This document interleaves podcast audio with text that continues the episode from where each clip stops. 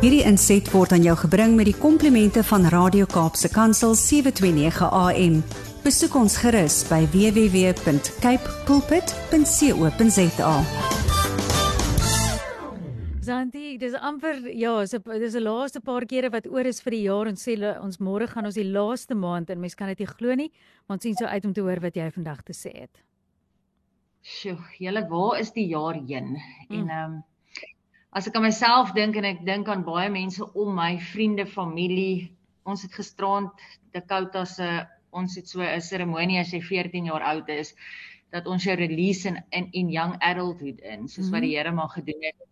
Ag en en met Jesus se bar mitzwa en ag dit was net vir my so kosbaar om die blessings van die Here oor jou kind te bid en te vra dat sy wil oor jou kind geskied en maar wat vir my baie prominent uitgestaan het gisterand ook is met almal om ons en en wat julle self beleef en elke luisteraar gaan ook hiermee kan identifiseer is dat 2022 was 'n bitter moeilike jaar.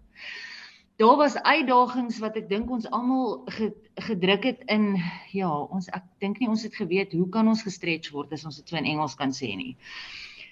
En te midde van dit alles bid ek altyd aan die einde van die jaar en sê ek Here asseblief gee my 'n skrif vir die volgende jaar of gee net vir my hoop, gee net vir my iets dat wat ons almal ook al deur is dat dit sal beter word dat ons nader aan U sal beweeg dat en te midde van hierdie uitdagende jaar te midde van mense wat onsaglike moeilike jaar gehad het was dit net so 'n awesome jaar want die Here het elke keer deurgekom en ons elke keer deur elke uitdaging 'n uitweg gegee. Ja. En is dit nie kosbaar nie want ek weet nie wat doen mense wat hom nie ken nie. Hm. Ek weet nie. Ek weet nie ek ek, ek kan nie. Ek kan fathom that want dit, dit daar is dan net nie 'n oplossing nie. Maar wat vir my so mooi is is dat ek vir die Here vra en al skrywe die Here die hele tyd vir my gee en ek en ek los dit vandag en mag dit vir jou hoop gee vir hierdie laaste maand waarna ons gaan en en vir die volgende jaar is Psalm 34 vers 8 wat sê taste and see that the Lord is good. Blessed is the one who takes refuge in him. Mm en het ons almal nie refuge hierdie jaar in hom gevat nie. Ja. En dan sê hy taste and see that the Lord is good. En ons kan maklik die see gedeelte want ons sien God se hand in ons lewe, nê? Nee, ons ons sien dit. Mm. Maar ons sukkel soms om die taste gedeelte regtig te verstaan. En ons gaan dit nooit verstaan as ons nie verstaan dat dit die woord van die Here is en dit Jesus is nie. En in John 6 verses 35 he says I am the bread of life. Mm. And whoever comes to me will never be hungry, and whoever believes in me will never be thirsty. So if I want to taste the goodness of the Lord, I need to take in the bread of life. And the word of God is the bread of life because Jesus was word who became flesh. My uitdaging aan my en aan jou vir oggend is wanneer laas het jy regtig uit die woord van die Here geëet? Because maybe we are hungry and that is why we grab to all different things around us to fill that emptiness inside us. Mm -hmm. Because we see the goodness of God around us in other people's lives and that testifies and gives us hope. But inside we are hungry and we do not taste the goodness of God. Ek wil vir jou sê dat hierdie is seker vir my een van die mees amazingste skrifte en brood en en here when I read this I taste the goodness of God. En dit is in 2 Timothy 3 verses 16. En as jy hierdie net fathom then you will take time to spend in the word and eat the word of God. Fill yourself up and then you will taste the goodness of God. It says, All scripture, listen to this, all scripture is God breathed. It is valuable for teaching the truth, convicting of sin, correcting faults, and training in the right living. Thus, anyone who belongs to God may be fully equipped every good work. Mm. We understand that every scripture is God breathed. Julle daai daai God breathed is net vir my wow. En toe uh, ja. Gaan lees ek 'n stuk.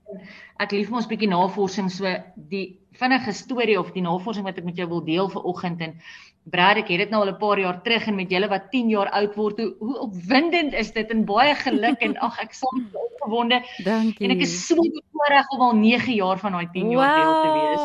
Ag wonderlik. Beskiklik lekker vir oggend maar ek gaan lees net hier oor dat In 2009, the Center of Biblical Engagement issued a report that concluded that people who read the Bible at least 4 days a week experience the following benefits. Nou weet jy weet, hier is 'n wetenskaplike eksperiment wat gedoen was deur die Center of Biblical Engagement. En wat nou so fenomenaal is, is eet ek en jy net 4 keer 'n week. Nee, ons eet meer as genoeg. Ons eet omtrent 14 keer in 7 in 14 keer 'n week. Maar as jy net 4 keer 'n week taste dat God goed is. Mm. Then it lowers the following odds. Hoor wat gebeur wetenskaplik bewys. It lowers getting drunk by 57%. It lowers sex outside of marriage with 68%. It lowers pornography with 61% the odds, gambling with 74%, and any of these habits together is lowered 57% the odds of you doing it if you taste the word of God, eat it four times a week. Hmm. Julle ons kan nie nie en dit is dis wat die wat die duiwel van ons roof is hy ons weg van die woord van die Here af. Ons het nie tyd nie. Ja. Ons verstaan dit nie lekker nie, so nou los ons dit en ons verstaan nie dat die Heilige Gees in my en jou moet hierdie brood vir ons oopbreek. En dan verander dit ons. Die positiewe dinge wat dit doen is it for us we start sharing our faith with others if we read the word of God four times a week. The odds of that increases by 228%. Discipling others the odds increased by 231%. Hmm. And our way of memorizing scripture increases by 407%. Sure. En soms is daar mense soos ek ook maar was, ek kan die woord van die Here onthou, maar kan nie altyd onthou waar daar staan nie. Ek kan nie vir jou sê in 1 Korintiërs 3 vers 6 staan dit in 'n geselskap nie, maar ek kan presies die skrif sê. En toe kry ek eendag hierdie ongelooflike gerusstelling en en mag dit vir jou ook 'n gerusstelling wees vandag luisteraar is. Toe toe Jesus deur die vyand aangevat was in die in die woestyn, het hy net gesê it is written. Hy het nie gesê it is written in 1 Peter 3 vers 6 of in die Ou Testament nie, hy het net gesê it is written. So as jy nie die skrifgie kan onthou presies waar dit staan nie, maar jy kan die skrifgedeelte hoor, dan kan jy net sê it is written daar, maar begin dit ken, begin dit eet, begin dit deel van jou menswees maak. Mm. En dan los ek jou vir oggend met die volgende. Het jy geweet that the Bible is the most shoplifted book in the world? What? However you may because it still holds the Guinness Book of Records Book of World Records as the most sold and distributed book in the history, with over 5 billion copies sold since 1851. It continues to be the bestseller with approximately a 100 million copies per year you. as the best selling non-fiction book in the world. En ek wil vandag vir jou sê, ek het so 'n gunsteling boekwinkel in Huisna en dit was my opvallend laas jaar Desember toe ek daar kom en al die Bybels is toegesluit agter lak en grendel wil ek al sê. En ek vra toe vir hulle, toe sê hulle vir my want hulle breek net in die winkel in om 'n Bybel te kom steel. En toe dink ek, "Hoe sleg dit ook al klink." Jo, is dit die boek? Why do the people there know more about the value of a Bible that will break into a shop and steal one? Than me and you sitting with a Bible in front of us next to our beds in our studies mm. and we sometimes don't open it. Sure. Wat verstaan ons nie?